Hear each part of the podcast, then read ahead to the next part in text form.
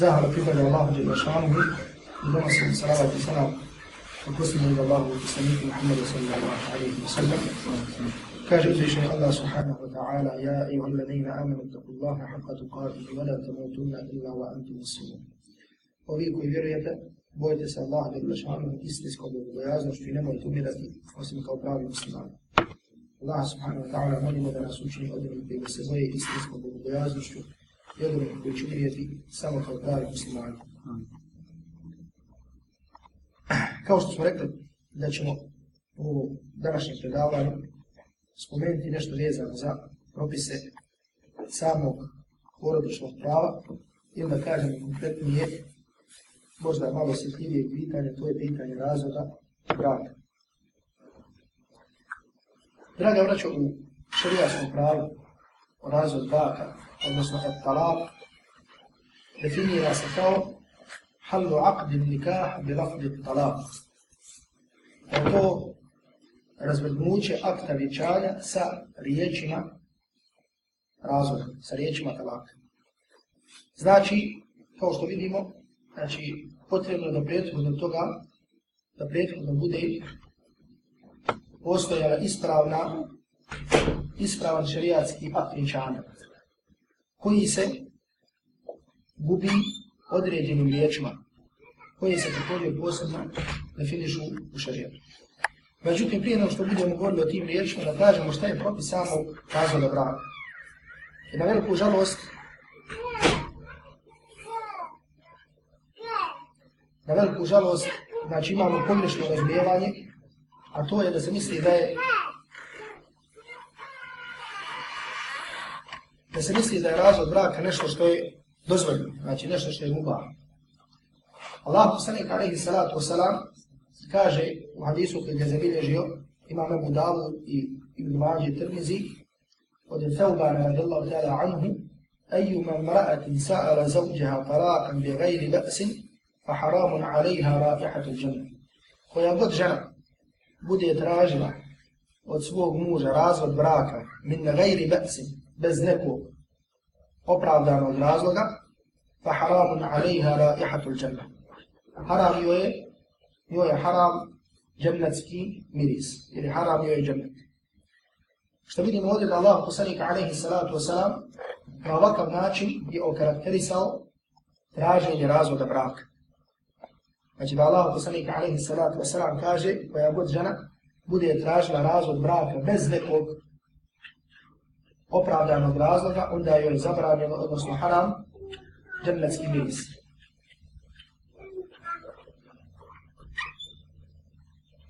Zatim drugi dokaz koji na ovakvu stvar ukaziva jeste hadis Allahov poslanika alaihi salatu wasalam koji ujedno još te šarijatsko pravilo koje glasi la darara wala dirar. Nema štete i nanošenja štete. A nema sumnje da razvodom braka da dolazi do velike štete. I zato veliki broj islamskih učenjaka, među kojima je šeheh Islam ibn Taymiyyah, rahmetullahi alaihi, kaže da je razvod braka, ukoliko zato ne postoji opravdan razlog, kao što je neka druga šteta koja se otklanja samim razvodom, da je haram. To je mišljenje rivajetu mezhebu imama Ahmeda, zatim mišljenje jednog broja učenjaka Hanefijskog mezheba kao što je Ibn Abidin, nema Allah se gradi brać pa pripasa na tu, na tu djecu.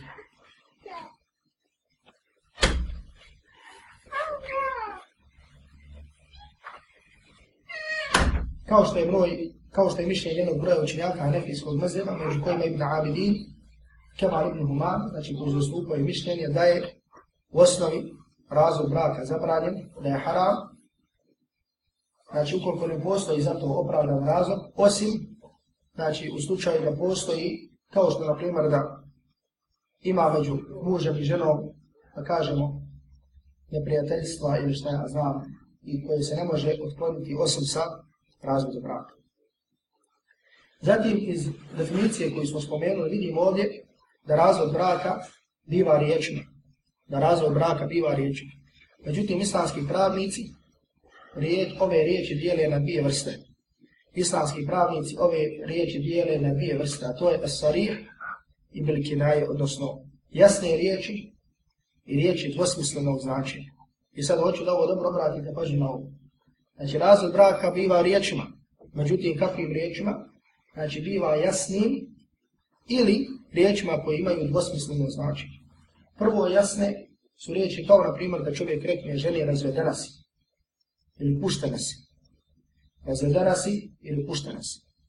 Znači samim izlaskom ovih riječi žena postaje razvedena. Znači bilo kako da čovjek ima namjer, bilo da ima namjer šal, bilo da ima namjer da ženi zaprijeti, bilo da ovu, znači žena postaje razvedena.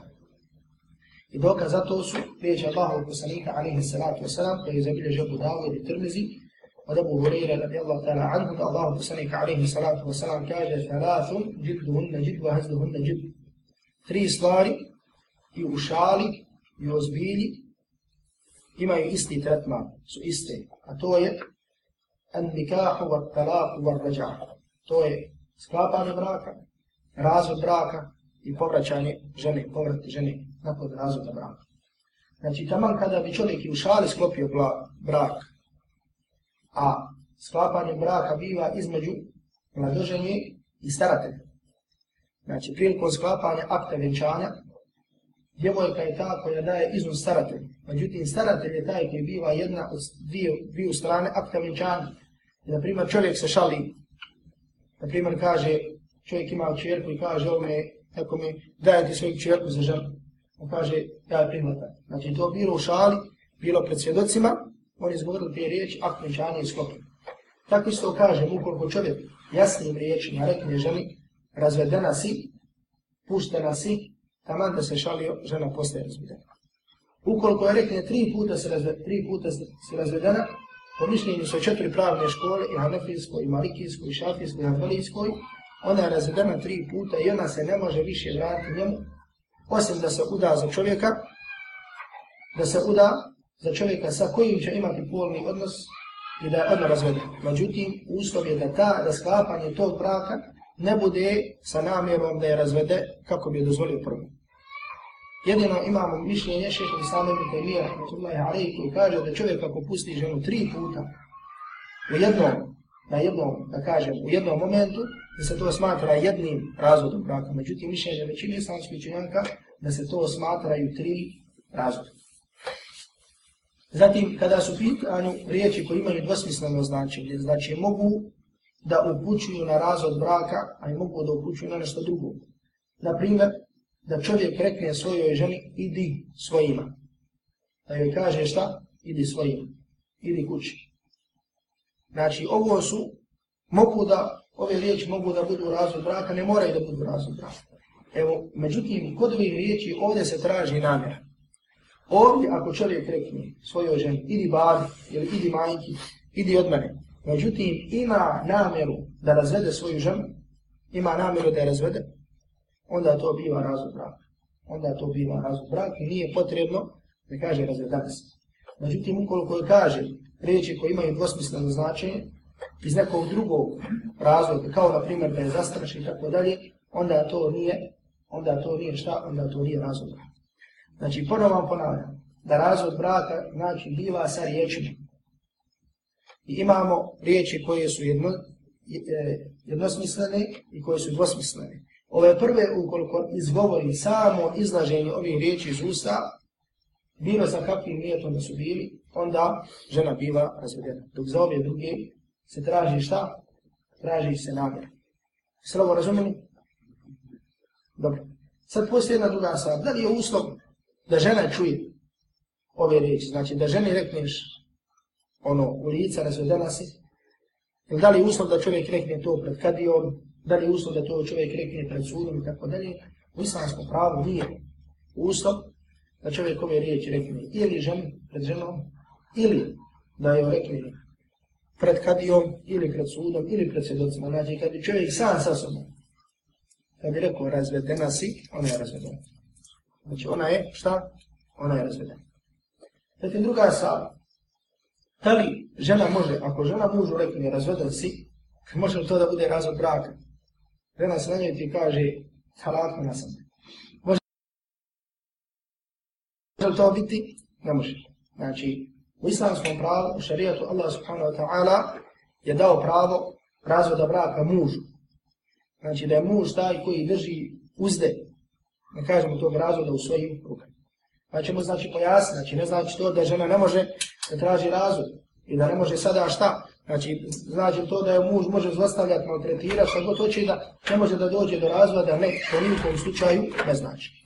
Međutim, osnovi je muškarac taj koji drži uzda razvoda braka u svojim rukama i poslanik Alihi Salatu Wasalam kaže da je razvod, da ima pravo na razvod, odnosno sa tim upravlja liman ahada bisa, odnosno ovdje se sada u ovom hadisu koristi metafora, uglavnom to se misli na, na muškarca, misli se na muškarca. Dobro, međutim, kako sada žena može da traži razvod braka? Naprimjer, desi se onda Allah Đelešanu, čovjek izlostavlja žena. E, ovdje postoji, znači, da žena, postoje dva načina, znači da žena traži od muža da je razvede, da žena traži od muža da je razvede i to se zove el-hula, to se zove el-hula, ili kao se kod nas prevodi opozivni razvod braka.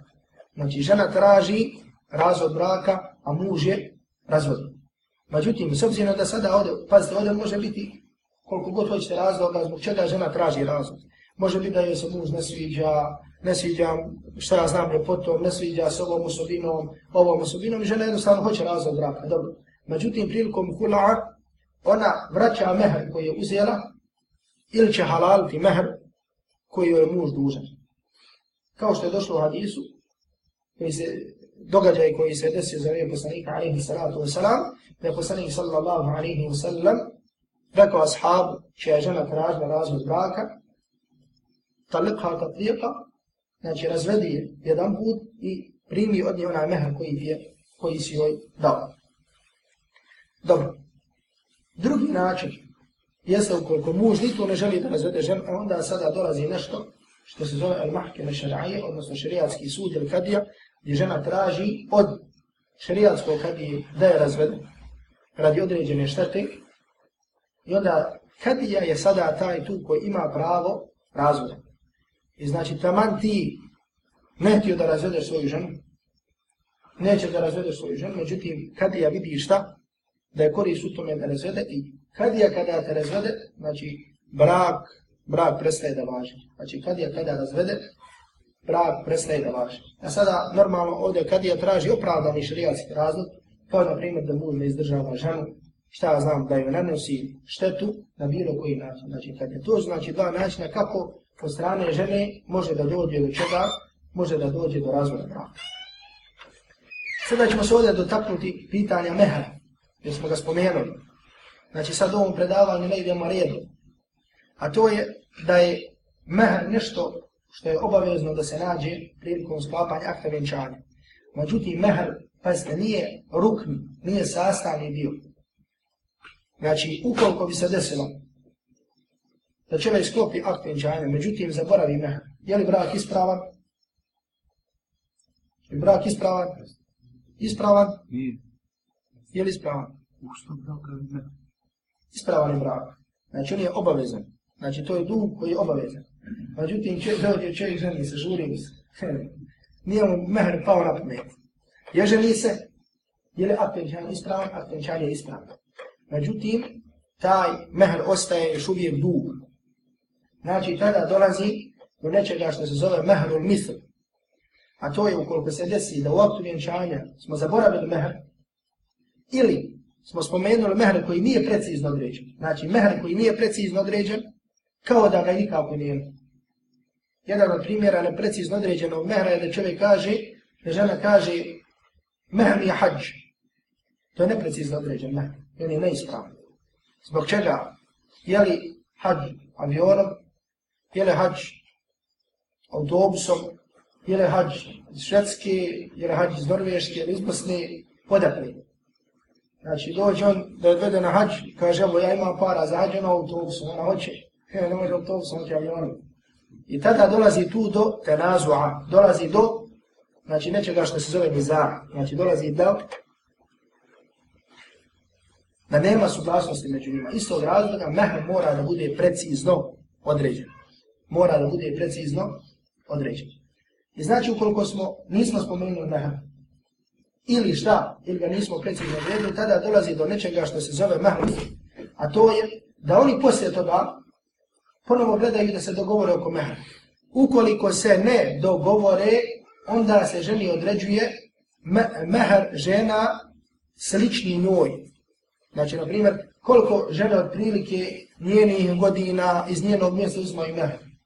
2000 kuna, 2000 kuna. Toliko joj se mehar odredi. Toliko joj se šta? Toliko joj se mehar odredi. Međutim, vidite ovo.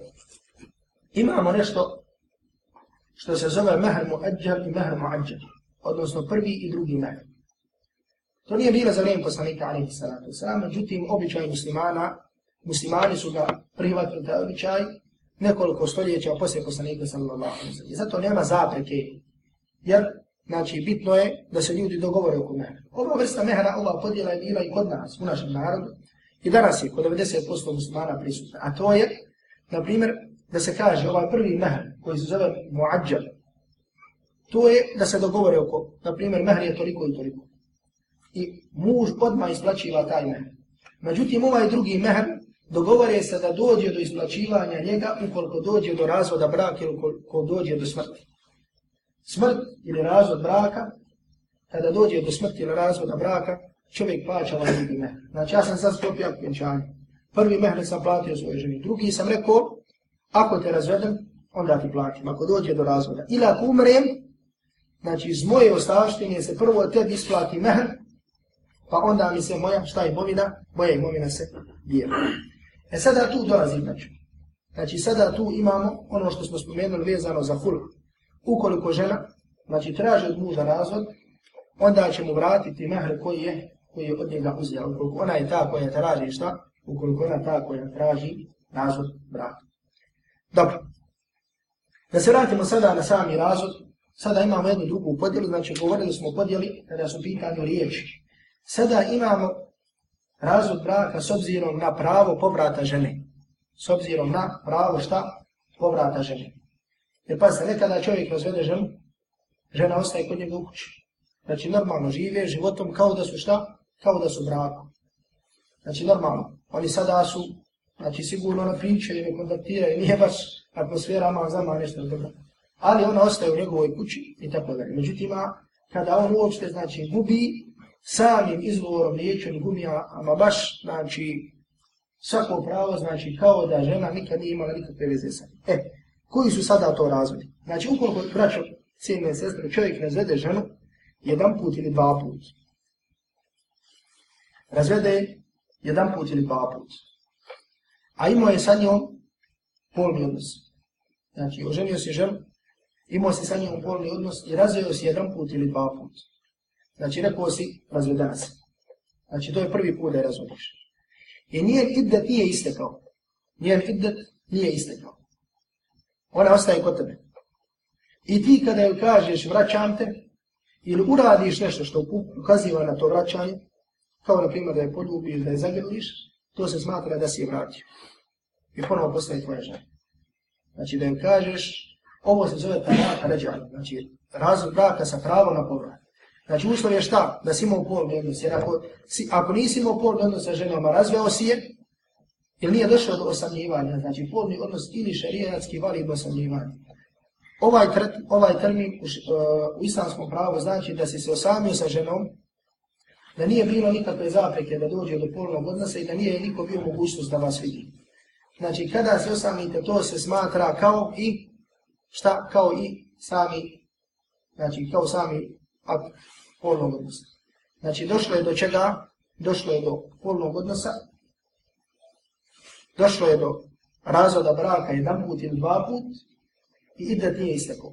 Znači, ima pravo da vrati ženu bez svjedoka, bez ničega. Međutim, ako joj istekne idet, ako ženi istekne idet, a razvio se jedan put ili dva put, onda šta? Možeš li povratiti? Ne možeš je povratiti bez novog akta vjenčanja. Ne možeš je povratiti bez novog akta šta vjenčanja. Znači ponovo ponavljam, razveo si ženu jedan put, prvi put ili drugi put i iste koje nje idet, ne možeš da ponovo, imaš pravo da ponovo stupiš u bračnu, u bračnu vezu sa njim. Zato što je nisi razveo treći put. Međutim, s obzirom da je prošlo idet, mora da se ponovo sklopi novi akt vjenčanja. Znači ponovo dozvola staratelja, normalno ako žena hoće, ako staratelj želi, da se dogovori novi mehr, novi svjedoci, znači mogu biti iskreni svjedoci, ali ponovo znači dolazi do akta venčanja. Međutim, ukoliko čovjek razvede ženu tri puta, onda nema šanse da je vrati. Razveo čovjek ženu tri puta, razveo jedan put, razveo drugi put, razveo treći put, poslije tog trećeg puta ne može da je vrati. Ne može da je vrati. Mora li žena otići posle ideta svojim roditeljima? Ne mora, to je sad druga stvar. Znači treći put, kada čovjek razvede ženu treći put, tada ne može, nema načina da je povrati, osim u slučaju da bi se ona, nakon što istekne ide, da se ona ponovo uda, da se ona šta, da se ona ponovo uda za nekog drugog čovjeka, da sa njim ima povodni odnos i da on razvede. Znači, kada bi ovaj razveo, prošao je idet, prvi muž ponovo ima pravo da je šta, da oženi. Međutim, kao što sam spomenuo, znači ovo, znači šta, ovo, ovaj drugi brak, ne smije da bude sa nijetom da bi ovaj vratio prvi, prvoj ženi. Ne smije da bude sa nijetom da bi vratio prvoj ženi. Jer Allah poslanih sallallahu alaihi wa sallam je proklao al muhallila wal muhallala lahu. Onoga koji dozvoljava i onoga kome se dozvoljava. Međutim, nažalost, u nekim arapskim sredinama je također zavladilo neznanje. Ljudi se trude da praktikuju šarija. I sada čovjek razvede ženu tri puta spala, što znači džahl. On se boji Allaha Đelešanu da je vlad. Međutim, u tim sredinama imaju ljudi koji dozvoljavaju. I onda je čovjek koji plati i kaže ženu i ženu, ima je sa njom polni odnos, razvedi je kako bi ja vratio. Pričala smo braće iz nekih tih sredina, znači ima šejhova, Mubarek šejhova, Znači, kojima je posao da žene, da žene ovaj drugi brak. Posle ovo je uistinu tako. Znači, posao im oni uzmaju pare, znači da žene. Oni to normalno pravdaju nekakvim, šta ja znam sa čim, uglavnom ljudi tako posao. Međutim, znači, poslanik sallallahu alaihi wa sallam je prokleo al muhallila wal muhallala lahu. Onoga koji to radi i kome se to radi. Onaj koji to radi i kome se radi. I zato, znači, taj brak mora da bude ono, znači, ne sa nekim dogovorom, ne sa nekim dogovorom. Znači, ponovo ponavljam, znači, ukoliko čovjek razvede ženu jedan put ili dva puta, sa njom je imao polni odnos, zatim nijen iddet nije istekao, nijen iddet nije istekao, onda ima pravo da je povrati bez novog akta I ovdje se ne traži šta? Ne traži se njena volja nego čovjek ima pravo da je povrati taman da ono neće. Međutim, ukoliko ist razveo jedan put ili dva put, međutim, prošao je iddet, prošao je iddet, onda šta onda mora da dođe do novog akta vjenčanja. A ukoliko je razvede tri puta, onda nema šanse, osim ukoliko da Allah subhanahu wa ta'ala da da tako bude. Dobro, sada ima pitanje, koliko traje idda žene koja se razvede. Prije svega ovdje imamo pravnim knjigama podjelu žena. Znači imaju žene koje imaju mjesečno pranje, hajz, ima žena koji to nemaju i tako dalje. Međutim, u većini slučajeva, znači ove stvari se dešavaju i vezane su za žene, znači žene koje nisu u tim godišnjoj, godišnjim dobama, znači da su pred, da im je prestalo hajz, nego žene znači koji imaju hajz. Takvim ženama hajz, salata takuru, tri hajz. Znači, po ispravnom mišljenju među islamskim učenjacima, to je mišljenje učenjaka hanefijske i hanbelijske škole da se ovdje pod Kur'om podrazumijeva hajz. Što znači, ako čovjek razvede ženu u čistoći, treba da joj prođu tri puna hajza. Znači, razvede ženu u čistoći, znači ima do kraja te čistoće, pa onda dolazi hajz, pa dolazi čistoća, pa ponovo hajz, pa ponovo čistoća, pa ponovo hajz. Kada treći hajz, kada se žena okupa u trećeg hajza, tada prestaje njen, šta? Prestaje njen hibdet. Prestaje njen hibdet. Kada bi čovjek razvio ženu hajzu, gdje se ga to ćemo pojasniti, to je zabranjeno, to je haram. Znači ima i određena stanja u kojima je zabranjeno žena da se razvodi, kao na primjer žena koja je u hajzu. Znači ukoliko čovjek razvede ženu hajzu, znači taj se hajz ne ubraja. Taj se hajz šta? Ne ubraja. Nego mora da prođe, da dođe čistoća, e onda prvi hajz koji dođe, to računamo prvi hajzu, pa čistoća, pa drugi hajz, pa čistoća, pa treći hajz. Kad se okupa, ili kad je završi taj treći hajz, iste koje šta? Iste koje njen iddet. I to je iddet žena. To je idet žena.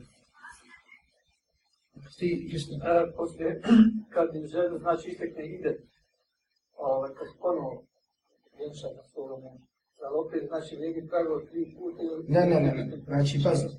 Znači, ukoliko čovjek razvede ženu, znači, evo, znači čovjek je razveo ženu, prošao idet, nije ti u idetu da je povrat. Rekli smo, ako povrati u idetu, šta? Da se vraća. Znači, ona normalno, ta idet boravi u njegovoj kući. Boravi taj nje, u njegovoj kući. I ostalo je da žena svaki idet boravi u kući u kojoj je razvedena. Znači, svaki idet. Znači, od džahla i od običaja džahelijeta jeste da čovjek kada razvede ženu da odmah očara, da očara gdje, odmah idi, mlad, idi, mater, gotovo. Ne, žena idet provodi, znači, u kući. Žena osnova da žena provodi idet u kući u kojoj je razvedena. Dobro, čak se kaže, znači ukoliko ne može da dođe tu, mora da dođe do miješanja, da je muž preći da izađe iz kuće, nego žena, a da žena ostane. وَلَا تُخْرِجُوهُنَّ مِنْ بُيُوتِهِنَّ وَلَا يَخْرُجُنَ I nemojte isterivati iz njihovih kuća i neka ne izlaze. I neka one ne izlaze iz kuća. Međutim, čovjek razvede ženu jedan put, idet je prošao, ponovo je sklopio akt. Koliko ima pravo još da je razvodi, znači ima pravo da razvede još jednog. Znači taj, znači taj razvod koji je prethodio tom aktu vjenčanja, on se šta? On ostaje da se ubraja. On ostaje šta? On ostaje da se ubraja. Dobro. Sada, Oni smo rekli, znači ima nešto, također jedna velika greška koja se dešava, a to je da imamo da treba da znamo čovjek kako hoće, ne do Allah Đelšanu, da Allah sačuva toga. Jer do ovog velikog zla koji se zove razvod braka, znači ukoliko čovjek hoće da razvede ženu, hoće da se razvede, zabranjeno je čovjeku, odnosno imamo nešto što se zove talak sunni i talak bidaj. Talak sunni i talak bidaj. Znači talak po sunnatu i talak po bidatu. Po sunnatu to jeste koji je dozvoljen, po bidatu koji je zabranjen. I osnova za ovo je jedan hadis koji možete naći u hadijskim zbirkama skoro svim. Hadis kada Abdullah ibn Omar razveo svoju ženu. Kada Abdullah ibn Omar razveo svoju ženu, pa kada je Omar radijallahu ta'ala anhu otišao kod poslanika sallallahu alaihi wa sallam da ga pita. Abdullah ibn Omar je razveo svoju ženu u čemu? Dok je ona bila u hajzu. Je poslanik sallallahu alaihi wa sallam naredio, naredio je šta? Da je povrati. I zato, draga braća, ova stvar je velika i važna, zato što poslanik sallallahu alaihi wa sallam kaže hadisu koji je zabilježi imam Nasai u svom sunadu od Mahmud ibn Labida, da je poslanik sallallahu alaihi wa sallam rekao yul'abu bi kitabi Allahi wa ana bejna adhurikum. Zar se igrate sa Allahom knjigom, a ja sam među vama. Zar se igrate sa Allahom knjigom, a ja sam među vama. Znači kada su ljudi počeli da razvode po talaku koji je bid'a i koji nije dozvoljeno, poslanik alaihi sallatu wasallam je rekao yul'abu bi kitabi Allah, zar se igrate, znači nazove to igranjem sa Allahom djelašanu knjigom, wa ana bejna adhurikum, a ja se nalazim među vama. Dobro, jer Allah subhanahu wa ta'ala kaže Ja ayuhan nabiju, idha tallaqtumu nisa'a, li li'iddatihinna. O poslaniće, kada budete razvodili svoje žene, razvodite u njihovim iddatima. Ibn Abbas kaže at-tahirat min gajri džima, to jeste u čistoći, u čistoći u kojoj sa njima niste imali podljubis.